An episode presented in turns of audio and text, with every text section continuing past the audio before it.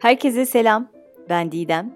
E, bugün yine ilginizi çekeceğini umduğum bir araştırma ve inceleme, aynı zamanda bir ekoloji kitabıyla geldim buraya. Kitabın adı Bitki Zekası. Bitkiler arasında nepotizm olduğunu biliyor muydunuz? Yani baya baya akraba kayırıyorlar. Peki konuşabildiklerini, tat alabildiklerini, neredeyse görebildiklerini ve taklit yeteneklerinin olduğunu biliyor muydunuz? Bitkilerin yürüyüp koşamasalar da hareket edebildiklerinin çoğumuz farkındayız. Sonuçta büyüyorlar. Güneşin yönünü takip edebiliyorlar. Işığı yakalamak için tırmanıyorlar mesela. Değil mi? Buna rağmen yine de algılarımız bir şekilde onları hareketsiz kabul ediyor. Bu canlılar bizim skalamızda bizlerden ve hayvanlardan sonra geliyor. Beceri ve değer görme bakımından özellikle de. Hal bu ola dursun, onlar hayatta kalma becerisi bakımından bizden ve hayvanlardan çok daha başarılılar. Bir kere insanların hayatta kalma işgüdüsü sebebiyle sahip oldukları bir güç takıntısı var. Güçlü olmalıyım takıntısı. İlginç olan bu değil, e, bu amaç uğruna girişebildikleri illegal ya da etik dışı, işte tahmin edilemez eylemleri olduğunu da yaşı yeten herkes biliyordur. E, bunları bitkilerin de sergiliyor olması işte işin asıl ilginç kısmı bu. Artı bizim yapamayacağımız, doğamızda, bünyemizde olmayan özellikleri sayesinde çok daha fazlasını yapabiliyorlar. Detayına girmek istediğim için size öncelikle Bitki Zekası kitabından bahsetmeliyim. E, bu kitabı Sinan Canan önermişti. E, bir YouTube videosundaydı sanırım. Şimdi anlatacağım ilginç mevzuları ben bu kitaptan öğrendim. Hadi hemen başlayalım.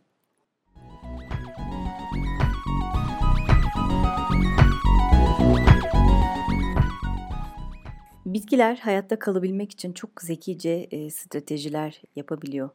Kitapta öyle ilginç bir e, bilgi var ki e, buna benzer ilginçlikte bilgilerin çok olması nedeniyle e, sürpriz bozma endişesi taşımadan e, sizinle paylaşacağım. Kitapta bir orkide çeşidinden bahsediliyor. E, adı Ophiris apifera. Arı orkide de deniyor. E, bu orkidenin çiçekleri bir arı cinsinin dişisinin şeklini birebir taklit ediyor. Şeklin yanında dokularının kıvamını, e, vücudundaki ince tüyler de dahil yüzeyini ve en inanılmazı dişi arıların çiftleşmek için salgıladıkları feromonların aynısını salgılayarak onların kokusunu taklit ediyor. Bunu öyle mükemmel bir şekilde yapıyor ki erkek arı çiçekle birleşmeye çalışıyor. Üstelik ortamda gerçek bir dişi arı olsa da yine de çiçeği tercih ediyor. Peki çiçek bunu neden yapıyor? hepimizin tahmin edeceği gibi e, arılar vasıtasıyla polenlerini yaymak ve türünün devamını sağlamak için. Bu ileri zekaları ile bizi sonuna kadar kendi çıkarları için kullanıyor bitkiler. Evet bitkiler bizi kullanıyor. Tohumlarının olduğu tatlı meyvelerle cezbediyorlar. Çiçeklerinin güzelliği, renkleri ve kokuları ile bizi büyülüyorlar. Bizler onların bu büyülü ve e, lezzetli dünyasında resmen kayboluyoruz. Onları yemek için, izlemek için, koklamak için tohumlarını her yere yayıyoruz. Varlıklarının devamını sağlıyoruz.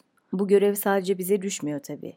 Bitkinin bu anlamda önemli müttefiklerinden bir diğeri de arılar. Bütün bunlar bitkilerin en masum yüzü aslında. Gerçekten hayatta kalmak için çevirdikleri oyunlar, hayvanları kandırıp hatta bizi de adeta bir postacı, kurye gibi kullanmaları onların en masum tarafları. Çünkü e, etçil dediğimiz bazı bitkiler bu hayvanları e, kurye gibi kullanmak şöyle dursun yiyor.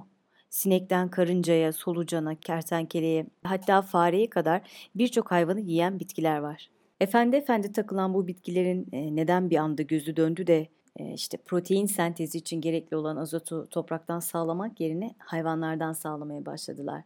Aslında her şey bundan milyonlarca yıl önce başladı. Nemli bataklıkta yaşayan bitkiler için e, bu azot fakiri e, habitatta hayatta kalmak çok güçtü. E, topraktan azot elde etmek neredeyse imkansızdı.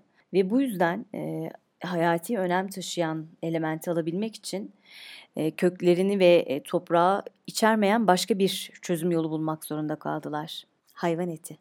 İyi de e, bitki dediğin e, midesi olmadan e, hayvanı nasıl yiyebiliyor diye soracak olursanız Tabii ki onları yutmuyor. Hazırladığı tuzağa yakalanan hayvanın içeriğini bir enzim üreterek e, parçalıyor, eritiyor, onu metabolize ediyor.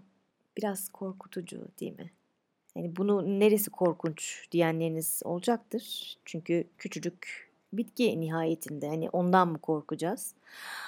Ama işte büyük konuşmadan önce kitapta sözü geçen bir çiçek var ceset çiçeği diye. İnternette ona bakmanızı tavsiye ederim. Çiçeğin boyu arkadaşlar 10 metreyi bulabiliyor. E, bu çiçek e, etçil olmasa da e, böyle haşmetli görüntüsü ve yaydığı ceset kokusuyla insanda gerçekten irite edici bir etki yaratıyor. Ceset çiçeği etçil değil. Neyse ki bitki türlerinin çoğu etçi değil. Çünkü bitki dünyası tek başına gezegenin biyokütlesinin %99.5'inden fazlasını temsil ediyormuş arkadaşlar. %99.5 ila %99.9 arasında bir rakammış bu.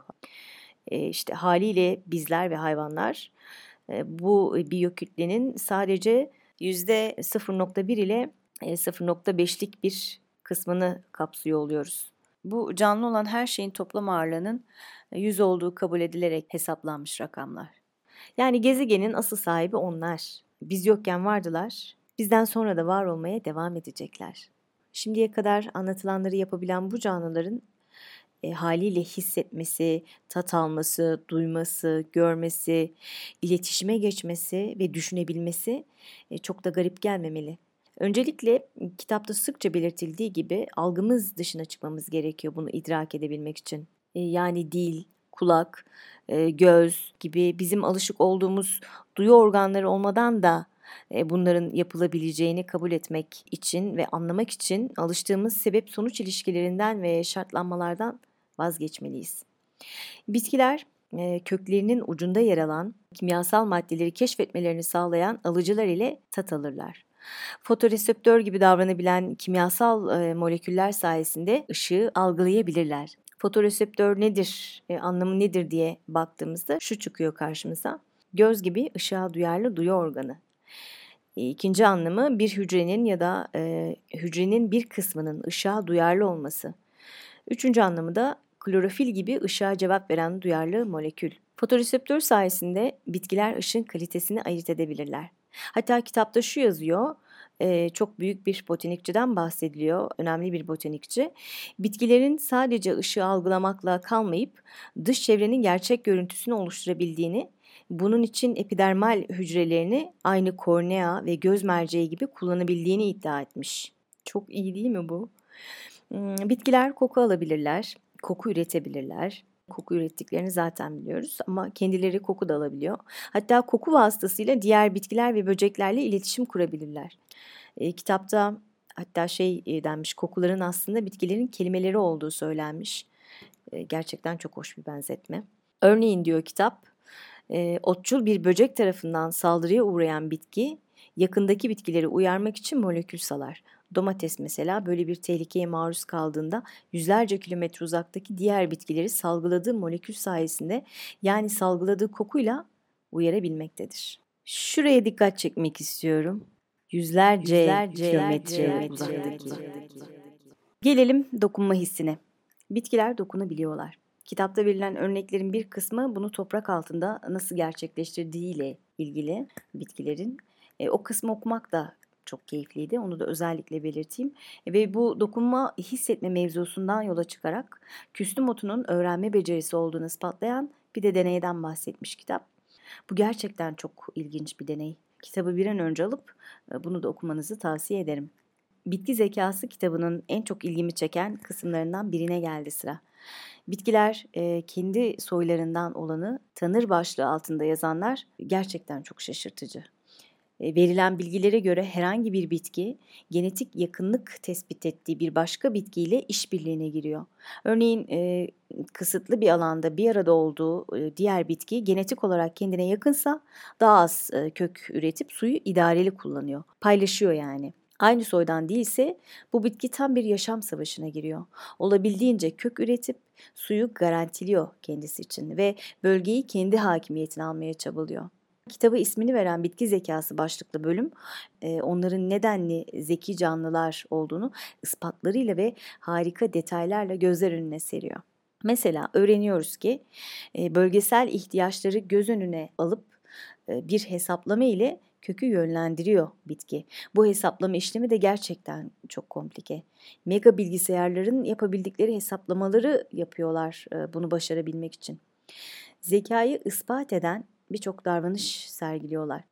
Zekanın e, karşılaşılan problemlerin çözümünde nedenli başarılı olunduğuyla yakından ilgisi vardır.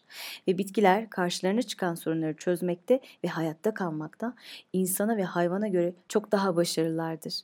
Bitkiler aynı zamanda oksijen kaynağıdır bu dünya için, bizim için. E, yani kısaca hayat demektir. Döndük dolaştık yine aynı yere geldik. Demek ki artık noktayı koymak gerek. Bitki Zekası kitabını okumanızı şiddetle tavsiye ediyorum. E, çünkü çok keyif veren bir kitap. Ben çok keyif aldım okurken. İtalyan botanikçi Stefano Mancuso e, ve yazar Alessandra Viola tarafından e, yazılmış bu kitap. Türkçesi de Almada Çiftçiye ait. Kitap 144 sayfa e, ama hacmine göre çok çok daha geniş bir dünyası var kitabın. E, okuyarak, araştırarak öğrendiğim her bilgiyle kendimi hayata daha yakın hissediyorum. E, ve bu hayatı güzelleştirebilecek gücün de bilmek, bildiklerimizi doğru değerlendirecek kapasiteye erişmekle yakından ilgili olduğunu düşünüyorum. Haftaya başka iştah açan kitaplarla görüşmek üzere kendinize iyi bakın. Özellikle zihninizi çarpık dünya düzeninden koruyun. Herkese dışarıda iyi insanlarla karşılaşacakları, içeride keyifli kitaplar okuyacakları, sevdikleriyle sağlık ve huzur içinde geçirecekleri günler diliyorum. Hoşçakalın.